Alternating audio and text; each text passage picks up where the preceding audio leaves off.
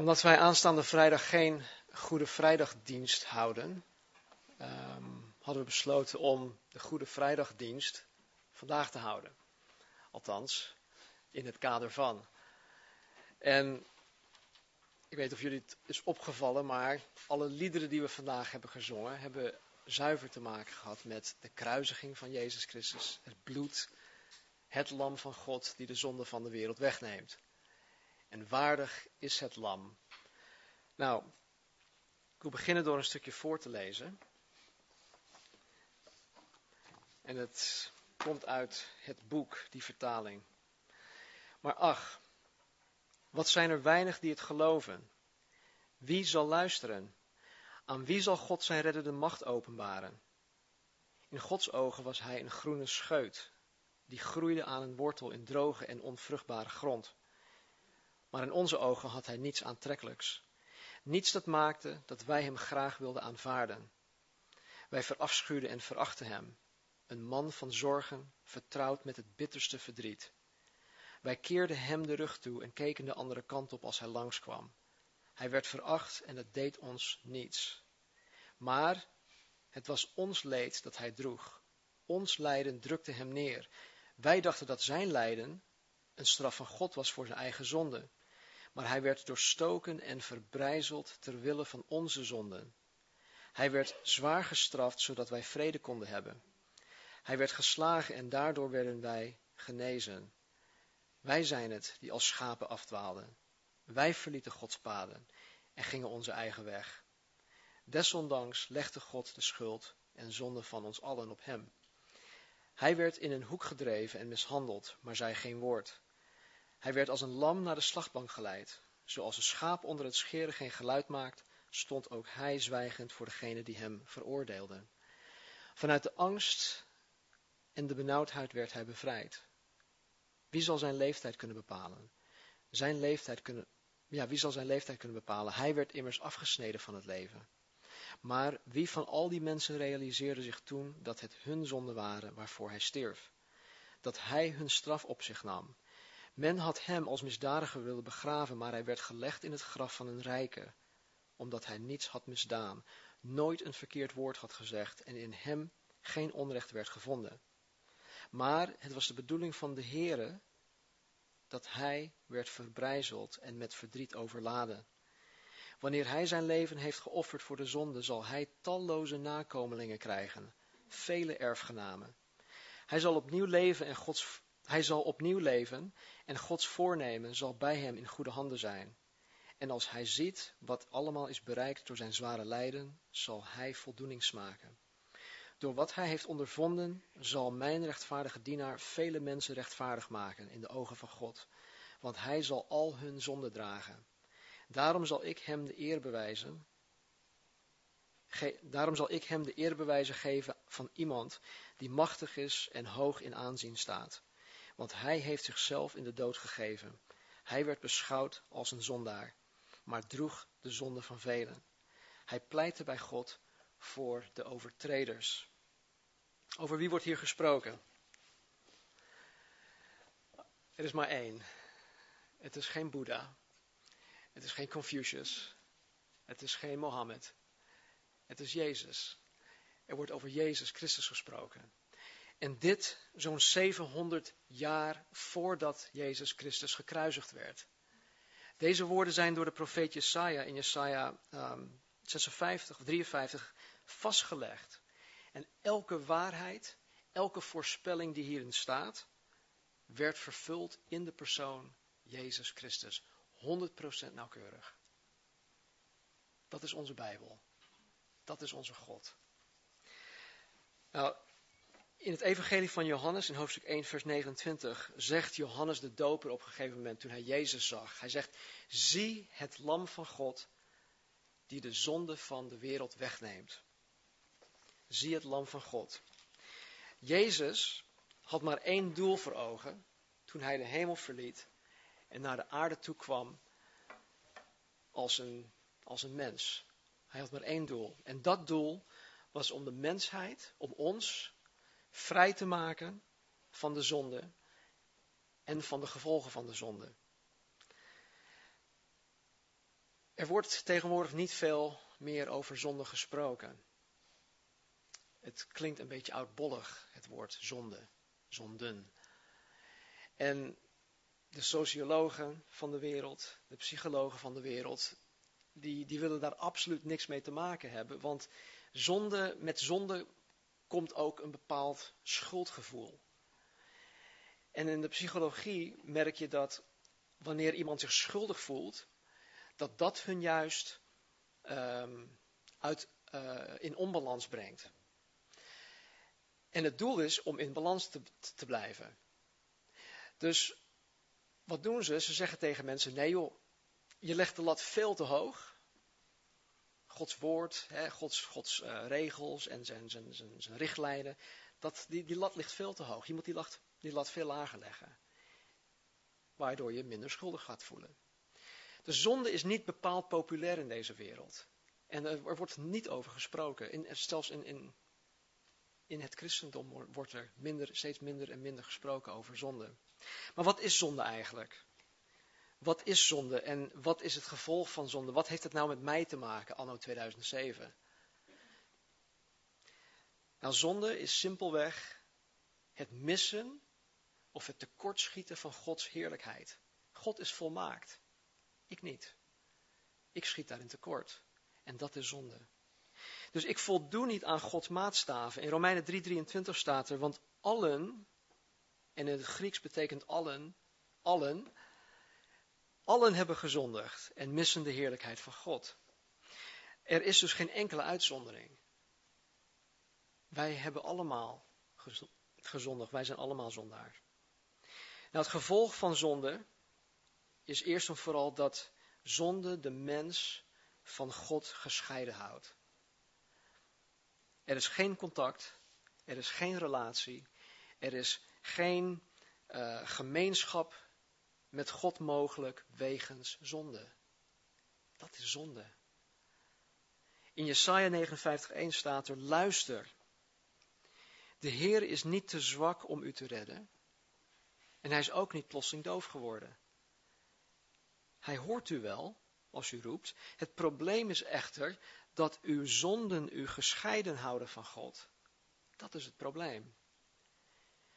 Nou, dit gevolg, het gescheiden zijn van God, noemt de Bijbel de geestelijke dood. Om geestelijk dood te zijn betekent dat je gescheiden bent van God. En ieder mens die door haar of zijn zonde gescheiden is van God, is als het ware geestelijk dood. Het is niet voor niets dat Jezus tegen Nicodemus zei: Je moet opnieuw geboren worden. Je moet in de geest geboren worden. Dan komt jouw geest tot leven. Dat is de wedergeboorte. Dan ben je niet geestelijk dood meer. Want dan kan je een relatie krijgen met, met God. Dus dat is de geestelijke dood. Nou, nog, een nog erger gevolg van zonde is de eeuwige dood. waar, Bert ook, ook zojuist voor bad. Dat, dat, dat ons niet meer toebehoort, die eeuwige dood. De eeuwige dood is waar de mens voor altijd gescheiden zal zijn van God.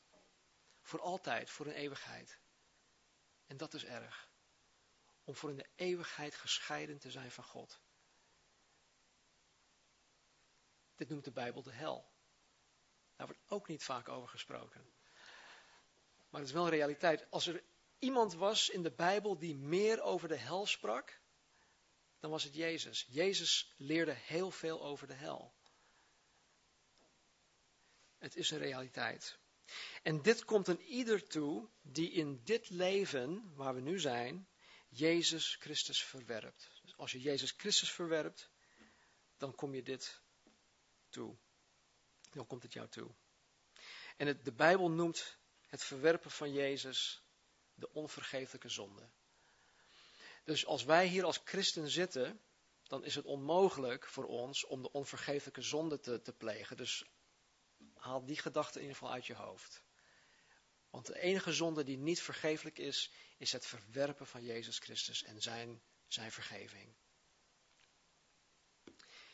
En dan is er nog de zonde in de wereld. Kijk maar om je heen.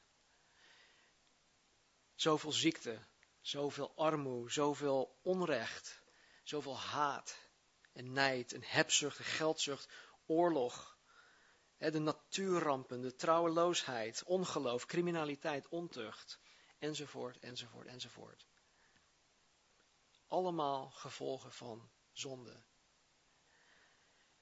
Zonde is de wortel van alle kwaad. Het heeft geleid tot een scheiding tussen de God en mens. Het leidt tot verwoesting en uiteindelijk de eeuwige dood. De zonde is geen pretje. En het is heel serieus. En daarom heeft God zulke radicale maatregelen genomen om weg te doen met die zonde. En daarom kwam Jezus, het lam van God, om de zonde van de wereld weg te nemen. En de weg te banen om de gemeenschap tussen God en de mens mogelijk te maken. Toen ik voor het eerst tot geloof kwam, um, zat ik daar net als jullie. En dan hoorde ik zo vaak over het lam van God en het kruis en het bloed dat, gegoten, uitgegoten werd voor mij. En, en ik, ja, ik, ik, ik accepteerde dat allemaal wel, en, want het stond in de Bijbel, maar ik, snapte er niks van. Ik snapte ook helemaal niet, waarom zou iemand aan het kruis moeten hangen? Eh, hoe kan uh, het sterven van Jezus aan een, houten, aan een houten kruis de zonde van de wereld wegnemen? Dat snapte ik allemaal niet. Hoe kan zijn sterven het de mens mogelijk maken om gemeenschap met, met, met God te krijgen? Hoe werkt dat dan? Nou, om, om, voor mij in ieder geval, om dat, dat een, ja, een plaats te geven, om het mij duidelijk te maken, moest ik toch teruggaan naar het Oude Testament. Want je kan het een niet zonder het ander. Je hebt inzicht nodig in het Oude Testament om het Nieuw Testament te kunnen begrijpen. In het Engels uh, zeggen we: uh, The Old Testament is in the New Testament. Nou, even, andersom. The New Testament is in the Old Testament concealed. Dus het Nieuwe Testament is in het Oude Testament verborgen. And the Old Testament is in the New Testament revealed. Dus het Oude Testament is in het Nieuwe Testament geopenbaard. En dat is zo. En het een kan niet zonder, zonder het ander. Nou, zo'n 3500 jaar geleden, heel lang geleden, had God de wet gegeven aan Mozes.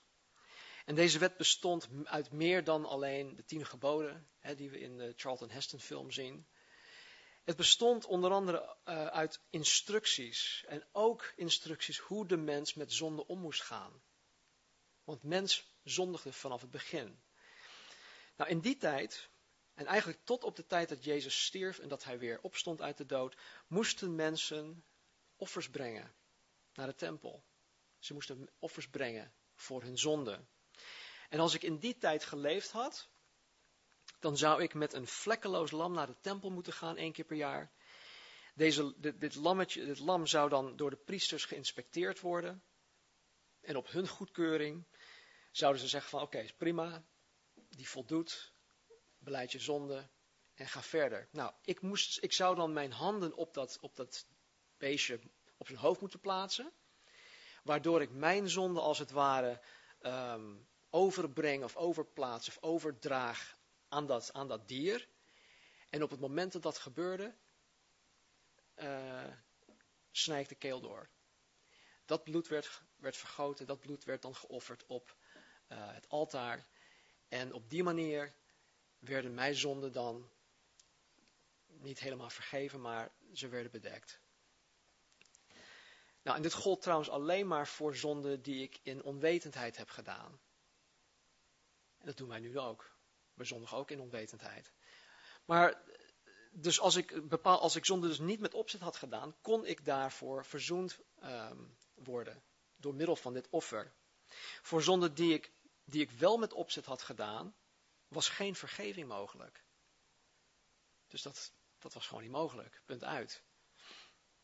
Nou, deze vergeving, hè, door middel van het slachten van een, een, een lam of een, of een geit, deze vergeving uh, schoot op alle fronten tekort. Ik zou met, deze, met dit offer zou ik geen vader- en zoonrelatie met God kunnen krijgen.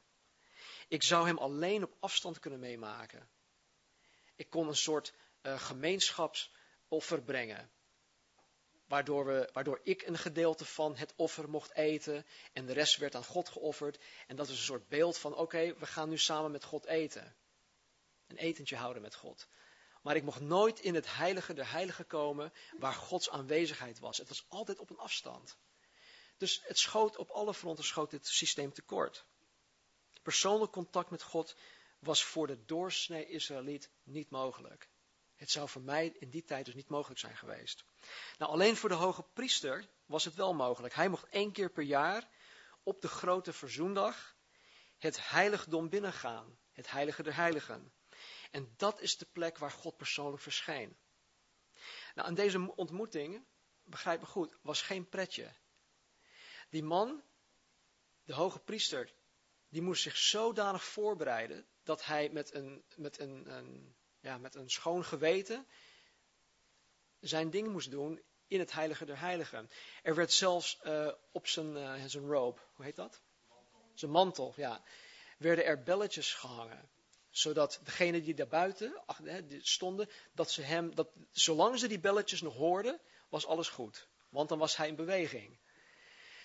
Ze, ze binden ook een touw om, om zijn been heen. Want op het moment dat die belletjes niet meer rinkelden, betekende dat hij dus gezondigd had en hij werd dan ter plekke doodgemaakt. Hij viel gewoon dood. En ja, niemand, kon daar, niemand kan daar naar binnen toe om hem eruit te halen, dus ze trokken hem middels dat touw trokken ze hem eruit. Dus gemeenschap met God in die tijd was, was ja, verre van plezierig. Hoe gaat het vandaag toch eh, anders? Nou, met dit offersysteem werden de zonden slechts bedekt. ze werden niet geheel weggenomen. Dus ik zou nog steeds rondlopen met een kwaad geweten. Het was een soort pleisteroplossing. Het pakte de kern van het probleem niet aan. En keer op keer, wanneer ik terugkwam naar de tempel, werd ik, uh, ja, werd ik herinnerd aan mijn zonde. Elke keer als ik ging offeren, was het daar. Stan, je bent en blijft een zondaar. Volgend jaar moet je weer terugkomen. En het jaar erop weer. En het jaar daarop weer. Je bent en blijft een zondaar. Nou, in Hebreeën 9:22 staat er: Zonder het vergieten van bloed vindt er geen vergeving plaats. Dat is heftig. Waarom zo gewelddadig? Waarom zo luguber? Ik denk dat God aan de mens, aan ons, aan de mensheid duidelijk wilde maken hoe erg zonde is. Zo erg zelfs dat er met zonde alleen afgerekend kon worden door het vergieten van bloed, door het doden van een onschuldig dier. Het is niet zo dat God zo preuts was dat hij niet tegen seks of geweld uh, kan. Maar God weet als geen ander wat zonde kan doen in een mensenleven. Hij weet het. Zonde maakt kapot. Zonde maakt relaties stuk. Zonde maakt huwelijken kapot. Zonde maakt gezinnen kapot. Zonde maakt kinderen kapot. Ik reis dagelijks naar, naar Den Haag toe. Dat doe ik al een jaar of drie. Met openbaar vervoer. En dan komen er, komen er veel kinderen vanuit Katwijk, Noordwijk, uh, Wassenaar. Die, die, die, gaan dan, die zitten dan in Den Haag op school. En drie jaar geleden zag ik dan een, eh, klein meisje, brug, een bruggetje. Nou, heel onschuldig en heel lief. En dan uh, heel, heel uh, ja, bang kwam ze, kwam ze de bus in. En nou, het hele jaar ging, ging dat zo door. Het, jaar daarop merkte ik van, oh, nou, nu heeft ze merkschoenen aan. Het, en, ze begon, nou, toen zag ik ineens eyeliner. En, en nou, dan, zie je al, ja, dan zie je een soort metamorfose. Nou, nu zijn we drie jaar verder. En, en die meid is inmiddels een jaar of 14, 15, denk ik. En nu uh, komen ze half bloot op de bus. Als het warm is. En wat ik daarmee wil zeggen is, het verpest mensen. Zonde maakt kapot. En het neemt die onschuld weg. En het verpest gewoon alles. Het maakt kinderen kapot. Het maakt zelfs ongeboren kinderen kapot. Als je weet hoeveel kinderen geslacht worden door abortus. Het is niet normaal. Zonde maakt uiteindelijk alles kapot. Afrekenen met zonde kost, kostte miljoenen stieren, bokken en lammeren het leven. Misschien wel meer. En maar toch was dit niet voldoende. In Hebreeën 10, vers 4 staat er dit: Want het is onmogelijk dat het bloed van stieren en bokken de zonde wegneemt. Het is onmogelijk. Er moest dus iets anders gebeuren. Jezus wist wat er nodig was en heeft zichzelf aangeboden om naar de aarde te komen, om zichzelf als een offerlam te geven. Ik wil een stukje lezen uit Hebreeën, uh, hoofdstuk 9, vers 24 tot 28. Christus is het heiligdom binnengegaan. Nou moet je even bedenken dat hij dan de hoge priester is met die bellen, met de touw, met de touw, alleen zonder touw. Jezus Christus is het heiligdom binnengegaan om in onze plaats voor God te verschijnen. Hij deed dat niet in het heiligdom dat door mensen was gemaakt, de tabernakel of de, de, tempel, de tempel, want dat was slechts een afbeelding van het werkelijke, werkelijke heiligdom in de hemel. Hij heeft zich ook niet telkens weer geofferd, zoals de hoge priester, die elk jaar weer het Allerheiligste moest binnengaan om dierlijk bloed te offeren. Als dat nodig was geweest, had hij vanaf het begin van de wereld telkens weer moeten lijden en sterven. Maar nu, tegen het einde van de eeuwen, in de laatste dagen, is hij eens en voor altijd gekomen om voor ons te sterven en de zonde weg te doen. Zo zeker als alle mensen eenmaal sterven en daarna beoordeeld worden, zo zeker zal Christus, nu hij gestorven is, om de zonde van vele mensen weg te nemen, zonder zonde terugkomen. Weet je nog, een aantal weken geleden hadden we het over de wederkomst van Jezus Christus, wanneer hij op de, de, de berg komt. Hij komt niet meer als zondebok, als lam, maar hij komt als de leeuw, de leeuw van Sion. Hij komt als, als heerser, komt hij terug, zonder zonde. Hij zal komen om ieder te redden die verlangend naar hem uitziet.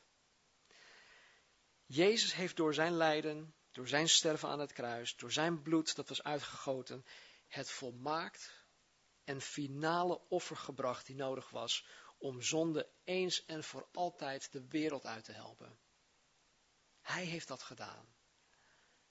Daarom wordt Jezus in de Bijbel het lam genoemd dat de, dat de zonde van de wereld wegneemt.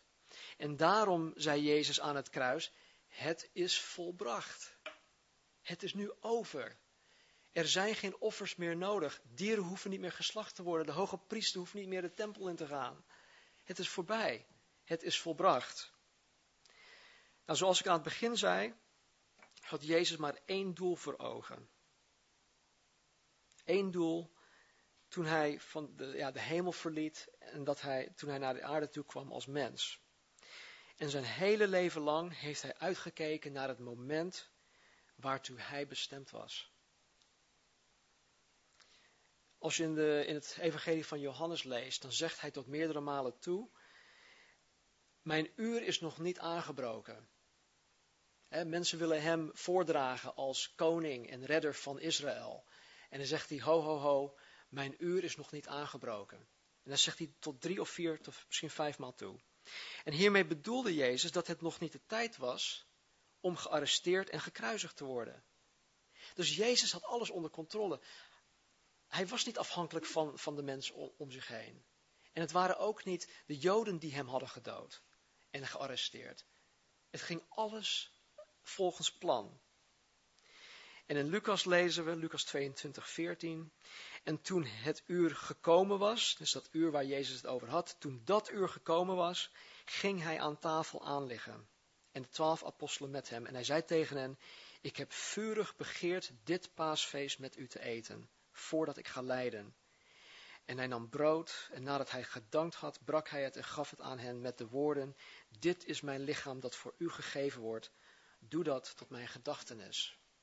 Evenzo nam hij ook de beker na de maaltijd en zei, deze beker is het nieuwe verbond in mijn bloed, dat voor u vergoten wordt. Nou, in het oude verbond, elke keer als de mensen naar de tempel gingen om een offer te brengen, werden zij eraan herinnerd dat hun zonde slechts bedekt zou worden. Ze moesten volgend jaar weer terugkomen. En het jaar erop, en het jaar erop, en het jaar erop. Maar nu, in het nieuw verbond, worden wij er telkens aan herinnerd dat Jezus ons het mogelijk maakt om volkomen en voor altijd vergeven te zijn. Dus wanneer wij het avondmaal vieren, denken we niet van, oh joh, ik moet volgend jaar weer terugkomen, ik ik ben en blijf een zondaar. Nee, het is volbracht. Het is volbracht. En daarom is het belangrijk dat wij dikwijls, heel vaak dus, het heilig avondmaal vieren. En nogmaals, dat hoeft niet per se in deze setting. Dat kunnen we ook thuis doen. Ik kan die eentje doen, als je dat wil. Maar Jezus zegt, doe dit dikwijls. En we doen dat vaak, zodat we eraan herinnerd worden dat wij vrijgemaakt zijn van zonde en alle gevolgen van dien. En dat is fijn. Fijn om dat besef te hebben van, man, ik ben vrij. Ja, oké, ik zondig af en toe nog. Ja, ik, ik, ik doe nog stomme dingen. Ja, ik schiet tekort. Maar weet je, ook die heeft Christus vergeven. Ook wat ik morgen fout doe en de dag daarop. En ik hoef niet meer te kijken naar, oh, ik moet, ik moet volgend jaar weer terug naar de tempel. Ik moet die reis maken. Ik moet, me, ik moet mijn lammetje moet ik weer slachten. Nee, het is volbracht. Maar misschien zeg je, ja, misschien ben ik toch de uitzondering. Eh, misschien kan Jezus iedereen wel vergeven, behalve mij, want mijn zonden zijn bewust. Ik weet dat ik God pijn doe met mijn zonde. Ik weet dat ik Hem hiermee bedroef. En tegen beter weten in zit ik vast aan deze zonde. Dus misschien is het wel voor, alle, voor iedereen, ja, maar, maar niet, niet voor mij bedoeld. Of misschien zeg je, ja, maar je weet niet, Stem, wat ik heb gedaan. Wat ik gedaan heb, is niet te vergeven. Ik kan mezelf niet eens vergeven. Hoe kan God mij dan vergeven? Omdat God het zegt, omdat het in de Bijbel staat. Omdat God voorzien heeft in een vergevingsplan die alomvattend is. Dus als ik zeg dat ik mezelf niet kan vergeven, terwijl God dat wel kan, zeg ik daarmee dat, dat mijn maatstaven eigenlijk boven die van God uitkomen. Ik weet beter dan God. En dat, dat is onmogelijk. God zet de maatstaf, maatstaf. Hij zet de standaard. Hij legt de lat waar hij dat wil. En als hij zegt, je bent vergeven, dan ben je vergeven. Punt uit. Jullie kennen Judas allemaal, neem ik aan. Judas de verrader van Jezus. Nou, deze man had spijt nadat hij Jezus verraden had. Zoveel zelfs dat hij die dertig zilverstukken terugbracht naar de overpriesters en de oudsten. En hij zei tegen hun dat hij gezondigd had, want hij had een onschuldig mens verraden. Hij had onschuldig bloed verraden. En vervolgens hing hij zich op en weet je, Judas ging de eeuwige dood in. Dat is triest. God heeft geen welbehagen aan, aan geen enkele zondaar die de eeuwige dood in gaat. Hij wil dat allen tot bekering komen, tot redding komen. Dus ook over Judas, ik weet zeker dat Jezus, dat God de Vader daar verdriet over had. Ondanks dat hij Jezus verraden had. Nou, Judas toonde berouw en dat is altijd goed. Hij toonde berouw, maar hij beleed zijn zonde aan de verkeerde. Hij ging naar de, de, hoge, de overpriester toe. Hij beleed zijn zonde aan de verkeerde mensen. Ik denk dat als hij op dat moment naar Jezus toegegaan was, dat hij zijn berouw aan Jezus had getoond en dat hij Jezus om vergeving had gevraagd, dan had Jezus gezegd van, oh Judas, daartoe ben ik gekomen om mensen zoals jou te vergeven. Judas, ik wil jou vergeven. Het zal je vergeven worden. Jullie kennen de apostel Paulus ook, die voor zijn bekering de christenen vervolgde. Hij was er alleen maar op uit om christenen uit te roeien, het christendom. Hij gooide hun de, de gevangenis in. Hij stond erbij terwijl christenen gestenigd werden. En Jezus had Paulus vergeven. De grote apostel Paulus zegt, ik ben de grootste zondaar aller tijden. En Jezus heeft mij toch vergeven. Er is niets maar dan ook niets dat wij ooit gedaan hebben dat onvergeeflijk is. Maar één ding, en dat is Jezus Christus verwerpen. En je moet vandaag zien als de grote verzoendag. Net als die jaarlijks gevierd werd in, in Israël.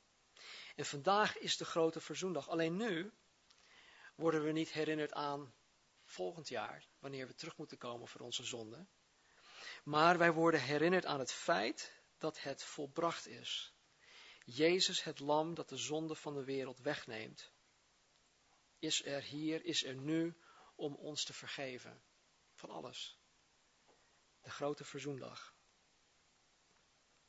Laten we bidden. Vader, dank u wel. Dank u voor uw wijsheid, Heer.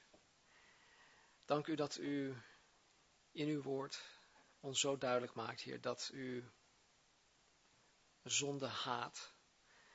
En Heer, dat u de zonde haat omdat het alleen maar kapot maakt. Het verwoest mensenlevens. Heer, het leidt tot geestelijke dood. Heer, het heeft geleid tot geestelijke dood. Heer, het leidt tot de eeuwige dood. En Heer, u heeft voorzien in het finale offer, het volmaakte offer. Heer, dat ons de mogelijkheid geeft om eens en voor altijd, Heer, af te zijn van onze zonde. En eenmaal vergeven, Heer, eenmaal wedergeboren, Heer, ziet u ons, Vader, als 100% rechtvaardig. Heer, dat gaat mijn verstand te boven. Ik snap er helemaal niks van, Heer, maar ik geloof het. Ik aanvaard het, Heer, ik accepteer het en het maakt me blij. En Heer, ik bid. Bid, Heer, dat en ieder van ons, Heer, die op dit moment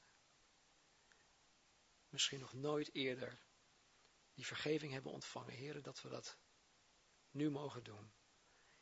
Heer, voor degenen die worstelen met, met zonde, herhaaldelijke zonde, Vader, dat, dat we daarover berouw zullen hebben, Heer. Dat we deze aan, u, aan, u, aan uw voeten leggen.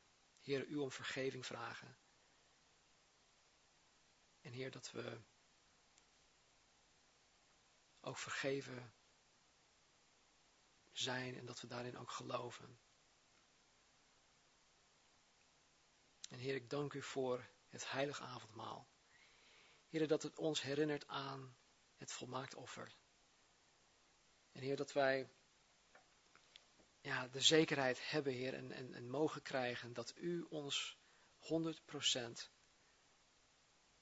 wil vergeven en vergeven hebt. Dank u wel. In Jezus' naam. Amen.